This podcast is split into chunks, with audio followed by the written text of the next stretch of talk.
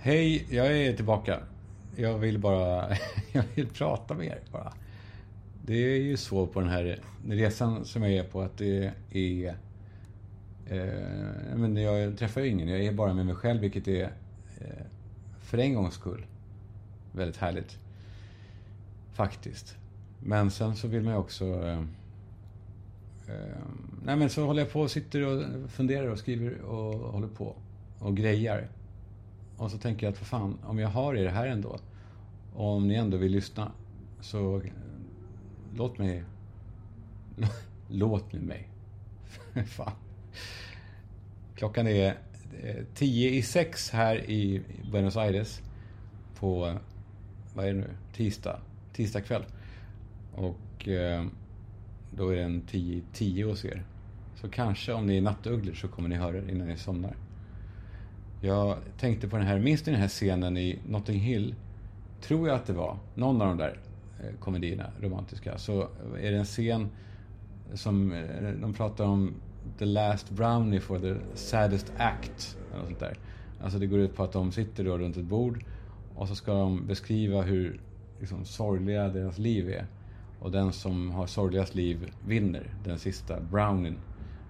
Eh, och eh, och jag har en, eh, jag snodde med mig en kaka i morse från frukosten.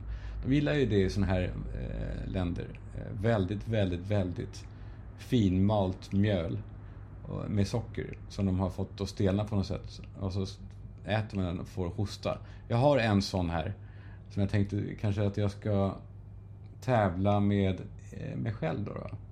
Om att jag ska få en, en liten kaka. Nej, för att... Eh, nej, jag tänkte på det som vi pratade om igår. Den här anledningen till, eh, till att jag känner mig så här, ja, men, så här lugn här och avslappnad faktiskt. Och på något sätt eh, liksom lågmält lycklig. Det är liksom... Nej, men den här känslan att inget har hänt och det är strålande. Det är det jag känner. För... Det är liksom inte så att alla, alla mina bekymmer har försvunnit bara för att eh, jag har kommit hit. Det är inte så att det är något magiskt med Buenos Aires, tror jag. Och så är det väl för oss alla att bekymren finns ju möjligen kvar. Det handlar bara om hur man, hur man betraktar dem. Och eh, det kanske låter nu som att jag har gått upp i något så enormt självbedrägeri. Jag förstår det att det kan låta så. Att jag låter som eh, eh som en lögnare bara. Oh, jag är så glad, allt är så bra. Nej. Jag förstår det. Det är okej okay, i så fall. Jag... Eh, jo, vet ni, jag skulle vilja säga någonting som... Ni kanske tror att det är poserande eller att jag försöker vara originell eller intressant eller så. Att, alltså, ja, att jag vill vara lite så här, speciell. Men men så här, anledningen då tror jag att jag känner mig rätt, rätt jävla bra nu. är att jag är ensam. Eh, Okej. Okay. Jag, ska samla mod till mig nu då. Men så här, okej okay, det är så här. Och eh, jag vet att jag är inte ensam om det här. Så att det, inte så, det är inte att jag försöker samla poäng igen eller, eller samla medömkan eller så. Men min sanning som jag har levt med tills nu, det är att jag är inte värd någon kärlek överhuvudtaget. Jag är inte värd någon respekt heller. Jag är inte värd någonting. Alltså, och det är på riktigt då. Alltså. Det, är, det är inte bara att, att uh, jag, jag, upplever det så. Uh, ni hör, det är grannar här på hotellet. Uh, så ni får ursäkta ljudet då. Men det är liksom inte så att jag, att jag att jag tycker synd om mig själv och sen är det ingen som bryr sig om mig eller kär, älskar mig eller så. Utan för mig är det så här, nej men det är, så är det. Det är grunden, det är sanningen, det är, det är den absoluta sanningen.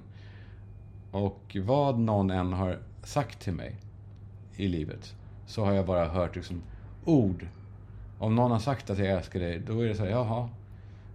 Då vet, det, det, det, tyvärr så är det, det har varit tomt. Det har ekat tomt för mig. Det, det har låtit som bara ord, vilket väl har gjort att jag ju är omöjlig att leva med. Jag har varit det för många. Och eh, Och eh, ja, ni också är det. Många av er. inte alla kanske. Och eh, jag ska inte säga då, de som har sagt så att de kanske älskar mig då.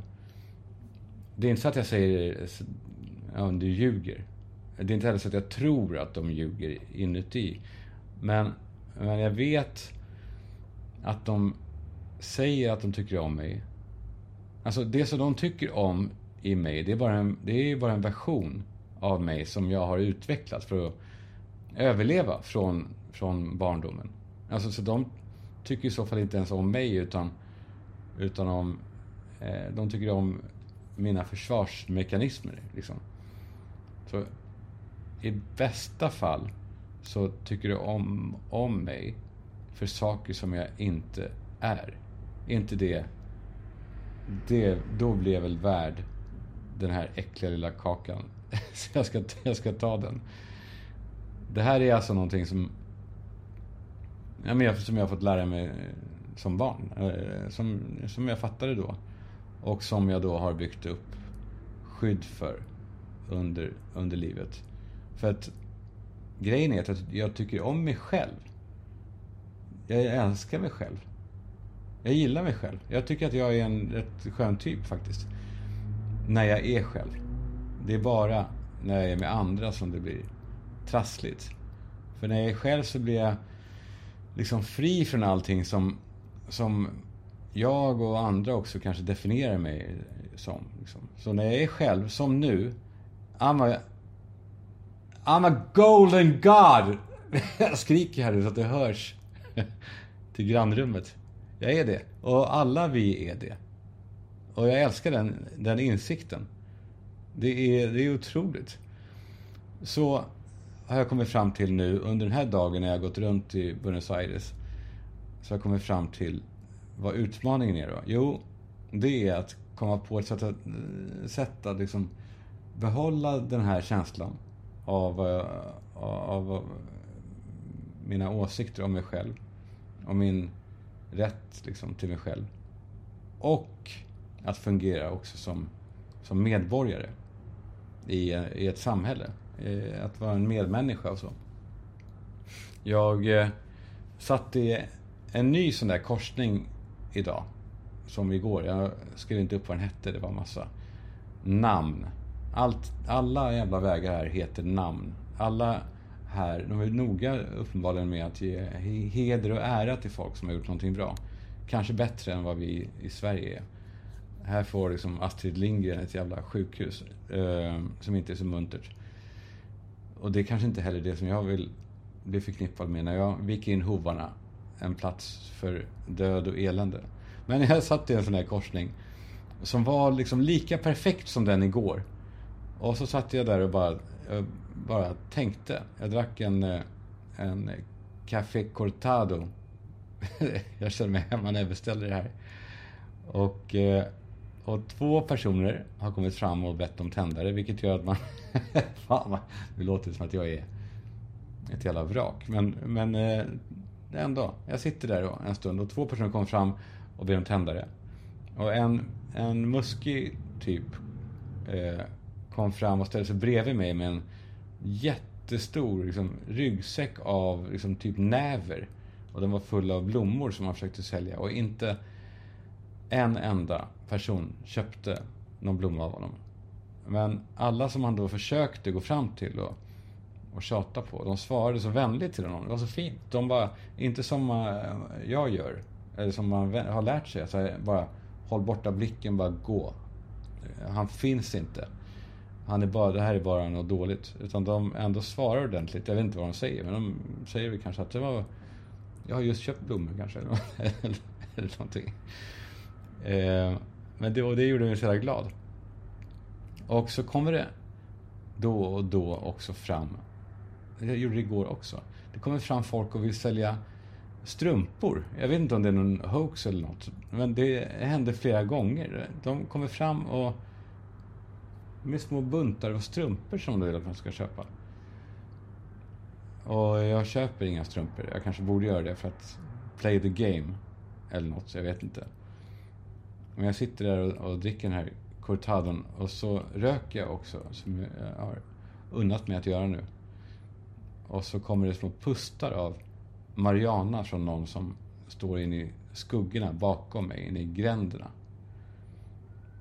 Och jag tänker på det, på de här gränderna. För jag sitter i gassande solsken. Och där inne i gränderna så är det, är det mörkt och dunkelt och fuktigt. Och jag tänker på sådana där gränder att... Nej men sådana här, det är väl så med sådana skuggor, typ. Att för att kunna...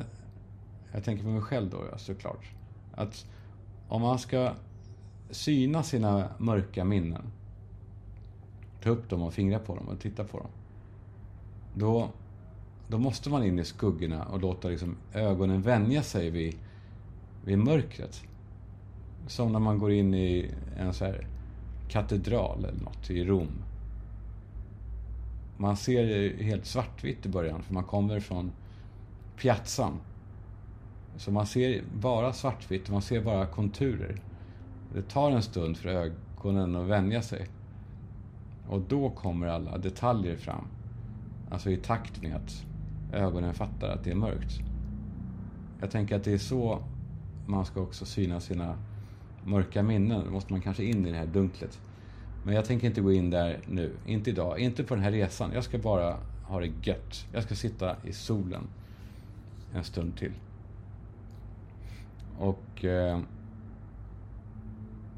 ja, men i, i, igår när jag la ut eh, podden, när man trycker på publish, då var klockan eh, typ ett på natten, svensk tid. Och så kände jag då att den var då nio här. Ah, fan, eh, ska det vara klart nu? Nej, eller?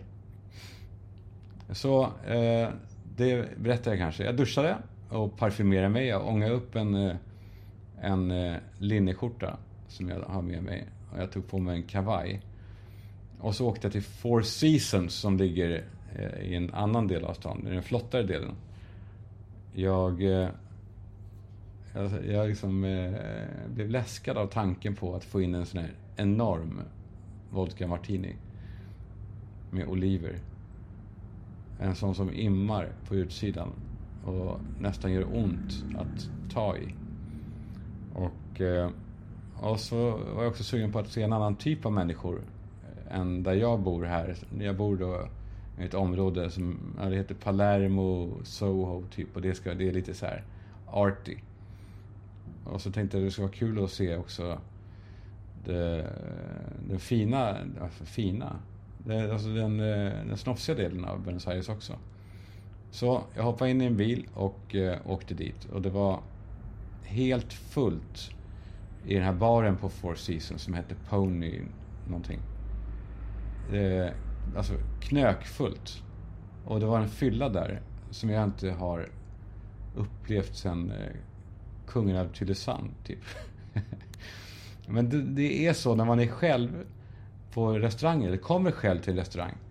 Då tror de, jag tror att de tror att man är en sån här som ska testa, testa stället. Så man får en jävla service. Alltså det var så fullt så att det gick inte att få in en människa till. Men de grejade det. Blixtsnabbt. Yes sir, of course. We have an excellent place at the bar for you. Typ. man, man blir bortskämd. Och så satt jag då bredvid två typer i bardelen då.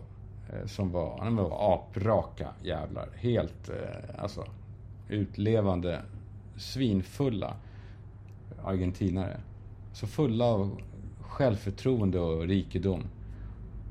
Och så små händer hade de också, tänkte jag på. Jättesmå, nätta flickhänder. Som, eh, som att de var typ sömmerskor eller någonting. Och så en av dem då som satt närmast mig, han stötte i min stol då och då. Och tredje gången så gav jag, men jag gav en liten blick kanske. Inte så här, inte arg. Jag gav bara en sån här blick som var så här. Ja, jag reagerar, jag märker vad du gör och jag älskar inte det. Och, eh, och en sekund, eller en sekund, nu överdrev jag. En minut senare så kom en sån här herre som jobbade för Four Seasons då. Han, han var gammal och ser så ofarlig ut att man fattar att han är livsfarlig. Och han böjde sig fram mot den här killen och sa uppenbarligen då, antar jag, att han skulle vilja prata med honom lite grann en stund. Och så han gick iväg med, med, med honom medan den här kompanjonen satt kvar och vajade i sin stol. Och eh, det kändes fint ändå. Bartendern tyckte om mig. Jag var hans bundsförvant på något sätt. Jag var väl den som var liksom näst nyktrast efter honom. Och han gjorde det han skulle och han gjorde det jävligt bra. Så jag tog då en vodka martini. Stor, en liten balja. Ett fågelbad, typ. Och sen tog jag en till, bara av en nickning. Han bara tittade och jag bara nickade. Och han bara, mm, mm jag fattar. Och gjorde en till. Och jag var nog, eh, ja men jag var nog lite berusad. När jag skulle, när jag kände så här, nu är jag nog av, eh, jag har fått nog av den här, den här fyllan här inne. Så jag tänker dra. Jag var inte lite, liksom, jag var rätt på arslet faktiskt. Och så vinkade jag till med en taxi utanför och åkte tillbaka till hotellet. Och de här boulevarderna i den fina delen av stan med uteserveringar som var, de var breda som liksom fotbollsplaner typ. Upplysta träd. Den miljön blev liksom gradvis till här, smarta genvägar på, på kullersten. Genom, genom eh, här, mörka kvarter. Där det inte var flotta uteserveringar utan stimmiga hål i väggen. Där alla gäster satt och stirrade upp mot en liten tjock-TV som hängde i ett stativ på väggen. Som hade högsta volym. Och jag gick upp på rummet och klädde av mig. Jag ska inte dagdrömma här. och eh, när jag hade gjort det så fick jag en så jävla stark känsla av så här, men vänta nu här. Varför skulle jag inte leva lite nu? Jag frågade mig själv det där vid badrumsspegeln när jag skulle borsta tänderna. Jag frågade mig själv, vem, vem tackar mig nu för att jag går och lägger mig i tid? Jag var eh, typ De Niro i Taxi Driver. Eller vet ni, om jag ska vara ärlig, så sa jag det högt för mig själv. För jag var ju som sagt lite packad. Who's gonna thank me? I, I don't, I, I don't see anyone. Uh, will anybody, will anybody in here thank me for uh, going to bed? och så tittade jag mig runt så nej, ingen kommer tacka mig för att jag går och lägger mig. Så uh, jag drog på mig då en lite enklare outfit. Jeans och tisha och gick ut igen. Och så såg jag att just bredvid mitt hotell så ligger en jazzklubb som heter Bebop. som såg liksom, men, ni vet man ser, den ser helt perfekt ut. Så här är precis vad jag behöver. Först en dörr och innanför den röda draperier som man liksom får ta sig igenom på ett sätt som det var att jag, som att jag var ett foster som skulle ut ur mammas fitta. Så att säga. Det var ett jobb att ta sig igenom den där. Och eh, ja, nu tänker jag då på det efteråt att de kanske hade sådär många draperier för att folk liksom inte skulle kunna vända om hur som helst när de kom in. För jag var då inne och det var nästan helt tomt. Jag ville ju bara ha en, eh, en nattfösare. En liten eh, rackare innan läggdags. Och eh, det gick inte för sig. Tanten, som måste ha varit typ 90, hon sa att jag var tvungen att betala inträde då för att bandet skulle snart gå upp på scenen och börja spela. Och jag sa, det, ja absolut, That, that's why I'm here. I wanna see the band. Och eh, det kostade typ 7 kronor. Och jag fattade då att det, det kanske inte är liksom eh, världens främsta jazzband som skulle spela. Så jag satte mig då i, i baren, till skillnad från alla andra gäster som satt framför scenen. Och jag bad om en, en, en dubbel Jim Beam. Och bartendern där, han gav mig en, en trippel. Eller nej, kvadruppel. Han gav mig en Octopus Jim Beam. Och, och eh, så klev bandet på och började köra. Och den kvinnliga sångerskan som... Alltså, det låter som att jag fantiserar här. Det gör jag inte, för det var inte en sån typ av... Eh, alltså, det var, inget, det var liksom inget sexuellt eller så. Och hon var inte... Ja. Eh, men hon fattade någon sorts tycke för mig, för hon stod upp på scenen som var kanske sju meter bort. Och framför henne satt publiken då och bredvid henne satt jag i baren. Och hon, hon liksom sjöng för mig på något jävla sätt. Jag, jag vet att det låter som att jag drömmer, som att jag blajar. Men som sagt, det var ingen grej heller, för det var inte så att jag blev smickrad heller. Tvärtom. Ha, alltså... Hon var... Nej, hon var fin. Eller vad ska jag säga? Det var liksom inte bara min... Eh, ja. Hon var liksom inte sexig, eller så. Jag ska uttrycka mig. Fast hon betedde sig som att hon var det. Förstår ni vad jag menar då? Jag tror att ni vet exakt vad jag menar. När det finns människor som beter sig som att de är supersexiga. Fast, eh, ja. Det är inte det här kontraktet med tittaren är inte riktigt, det är inte underskrivet av båda parter så att säga. Men hon tittade mot mig eh, då och då under det här framträdandet och mitt enorma whiskyglas tog slut vad det led. Men jag kunde liksom inte gå då. Jag ville gå. Jag ville verkligen då, det var dags att gå hem. Men jag kunde inte för att hon såg ju det. Det var så tomt där inne. Hon skulle märka det så jävla tydligt om jag skulle dra. Hon skulle bli sårad och jag ville inte såra henne.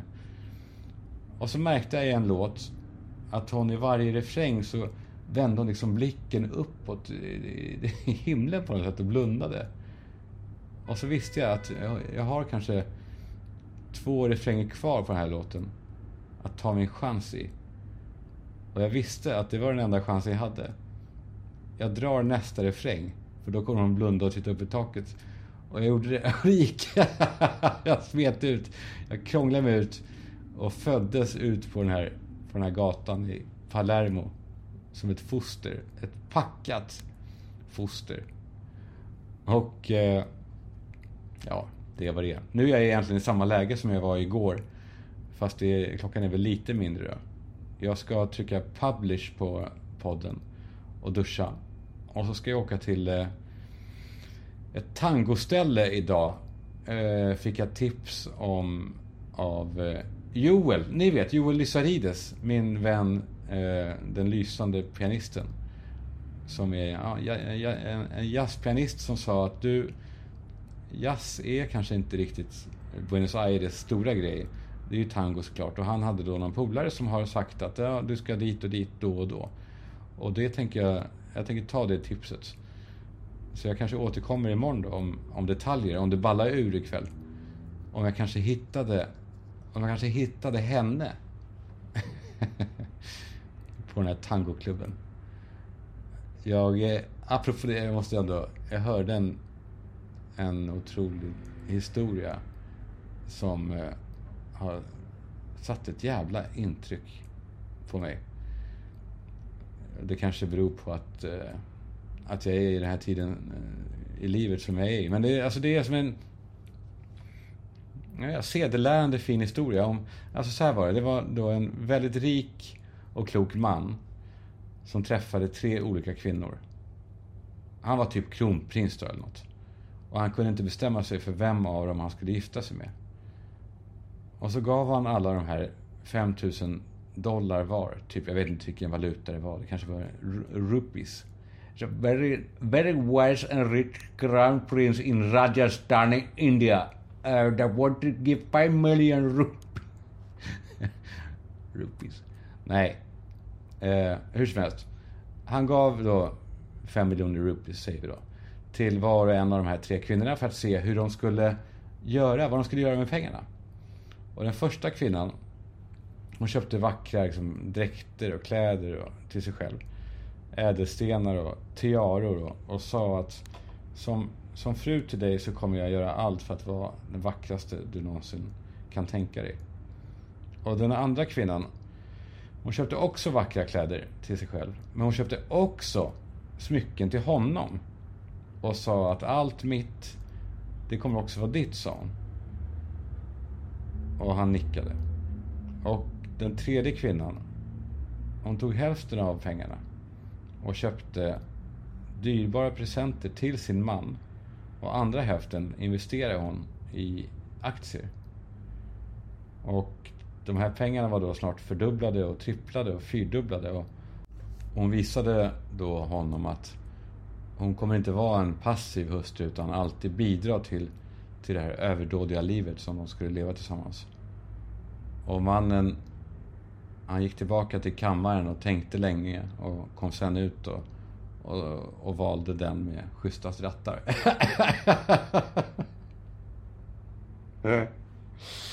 ja, jag, jag kunde... ja. Nej, okej. Okay. Fan. Det här var ändå en extra, extra, extra som jag tackar karla.se för att jag får göra. Karla med C.se. Eh, det är ju de man... Om man, alltså om man då ska ta klivet över till elbil, vilket man ju måste för snart får man typ inte köra någonting annat i vissa delar av eh, städerna. Då går man till karla.se. För där får man en, alltså, jag men, bara, jag ska inte hålla på, oh, man får det och det. Alltså gå in och kolla bara. Eh, det handlar alltså om de schysstaste bilarna. De köper också er gamla bil. Om, eh, om ni har en sån. Även om det är en eh, bensinare. Så köper de den och ni får hem en härlig Tesla. Eller eh, vad ni nu väljer. Tack Karla.se för att ni gör det här möjligt. Tack också för att ni finns. För att ni får eh, Stockholm och Sverige att gå mot eh, de här, vad det nu är för klimatmål. Jag har ingen koll på det där. Men eh, Eh, det, gör ni. Framförallt så gör ni det roligare för oss som kör bil. Eh, för fan vad det är kul att köra elbil. Eh, annars så... Eh, ja, men nu, nu kör vi då. Tack för att ni är med. Och, eh, jag sa det igår. Vi kan väl ses på Be Real tills eh, Instagram har lugnat ner sig, om det nu någonsin ens gör det. Det är ganska härligt att vara utan det faktiskt. Det är som... Det är med Instagram som så här, som när man var barn och tittade på film och så blundade man. När det var läskigt och då fanns inte det läskiga mer. Lite så är det med Insta. Att när man inte tittar på det så finns det inte. Det tycker jag är fint. Um, så hör av er. Jag kanske hinner få iväg någonting imorgon eller så... Ja. Eller så på torsdag. Tack för att, vi, för att ni, ni, ni är med mig. Det betyder mycket. Hej!